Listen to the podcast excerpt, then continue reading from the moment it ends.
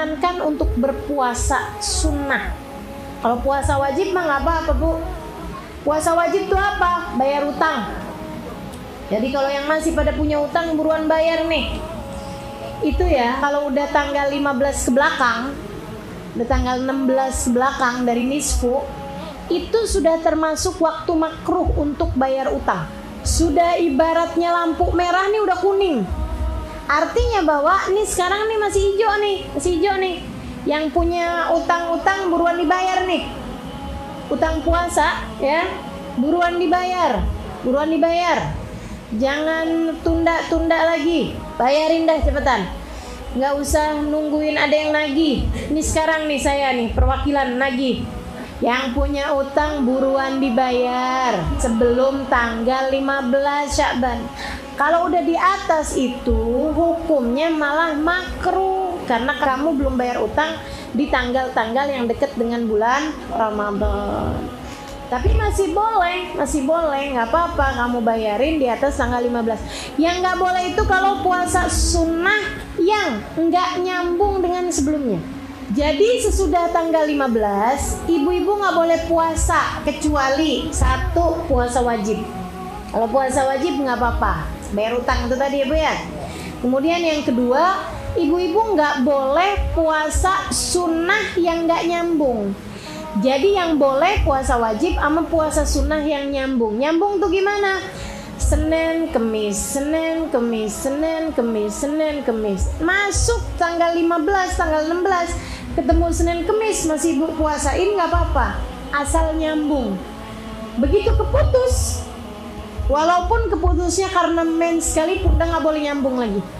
Misalnya nih, tanggal 17 kena Senin, ibu masih puasa. Ya, misal 18, 19, 20 kena misalnya Kemis, ya Bu ya.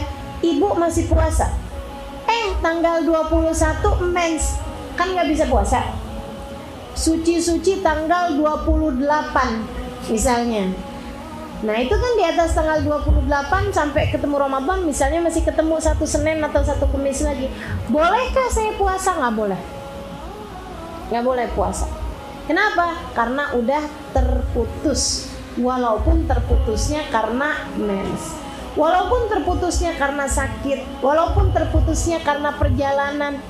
Karena orang kalau lagi mengadakan perjalanan keluar kota, nah itu memang sunnahnya nggak puasa. Laisa minal bir asyam fis safar. Kata Nabi Muhammad bukan termasuk dari kebaikan bepergian saat dalam keadaan puasa. Jadi kita sunnahnya kalau pergian nggak usah puasa. Nah ini ibu ibu sekalian. Jadi sekali lagi saya sampaikan bahwa di atas tanggal 15 Syakban tidak diperkenankan untuk berpuasa. Yang boleh adalah satu puasa bayar hutang, puasa wajib, yang kedua puasa yang nyambung dengan sebelumnya. Termasuk misalnya ada orang puasanya puasa sunnah tapi sepanjang Syakban dipuasain semua. Nah, itu boleh. Boleh, ada orang kan dari Rejab ke Syakban ke Ramadan tuh kan. Nah, itu nggak apa-apa juga. Silahkan di atas 15 itu tetap puasa. Hanya saja dia wajib nggak puasa nanti hari terakhir dari bulan Syakban. Jangan dipuasain. Hari terakhir dari bulan Syakban jangan dipuasain. Kenapa? Kalau dia adalah tanggal 30 Syakban, berarti itu namanya Yomusyak, hari keraguan. Apalagi kalau ada yang bilang besok udah tanggal 1 Ramadan. Tanggalan yang lain enggak, besok masih tanggal 30 Syakban. Itu namanya Yomusyak, hari yang diragukan ragu apakah ia merupakan puasa wajib Ramadan ataukah ia merupakan puasa sunnah Syaban kan itu ya? Jadi diragukan apakah sudah masuk Ramadan atau belum? Ini hari keraguan ini malah nggak boleh puasa. Haram hukumnya berpuasa. Siapa pun mau yang puasanya nyambung bahkan yang puasa wajib bayar hutang pun nggak boleh. Pada yaum musyak hari keraguan.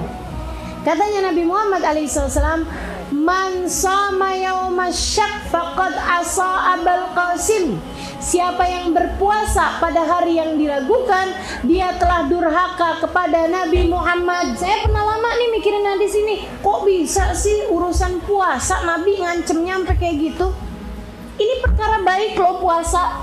Kok Nabi ngancem nyampe kamu kalau puasa, kamu durhaka sama saya kata Nabi Muhammad. Kalau itu adalah perbuatan Nauzubillah zina misalnya judi misalnya kamu kalau judi kamu durhaka loh sama Nabi Muhammad kamu kalau zina kamu durhaka loh sama aku Nabi Muhammad. Pantas ini puasa. Nabi Muhammad bilang, "Kamu kalau puasa tuh hari kamu durhaka loh sama aku Nabi Muhammad." Kan aneh ya, Bu ya? Aneh ya, Bu ya? Kenapa gitu bisa puasa udah lapar durhaka pula sama Nabi Muhammad? Ibu-ibu sedikit sekalian, belakangan saya baru ngerti kenapa Nabi ngancemnya kayak begitu untuk membuat persatuan untuk membuat persatuan. Jadi kalau kamu lihat tanggalan, ada yang bilang tanggal 30 besok, ada yang bilang tanggal 1 Ramadan besok. Ibu udah aman berarti nggak usah bingung-bingung. Tinggal jangan puasa. Karena kalau masih ada yang bilang tanggal 1, ada yang bilang tanggal 30, berarti itu namanya hari keraguan.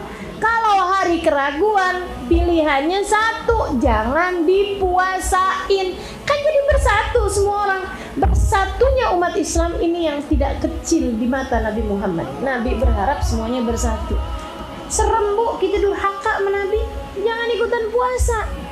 Jadi ibu-ibu sekalian, hari-hari keraguan, nah itu ibu jangan puasa.